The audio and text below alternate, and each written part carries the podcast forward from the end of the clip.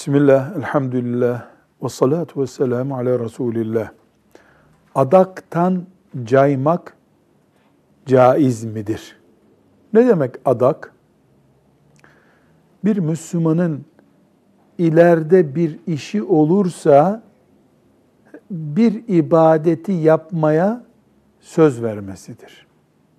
Ne gibi? Bana İstanbul'da dükkan açmak nasip olursa bir koç kurban edeceğim. Buna adak deniyor. Arapçası da nedir denir.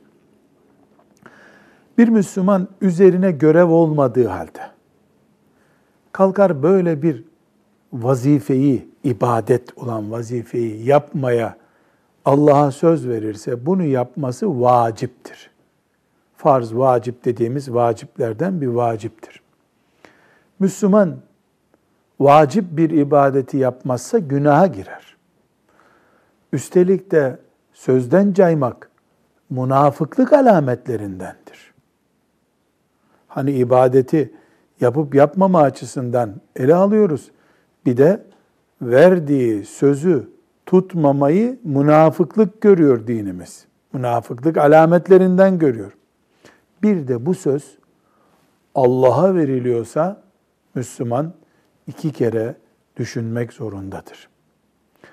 Adak, kurban kesmek şeklinde de olur. Herhangi bir ibadet şeklinde de olur.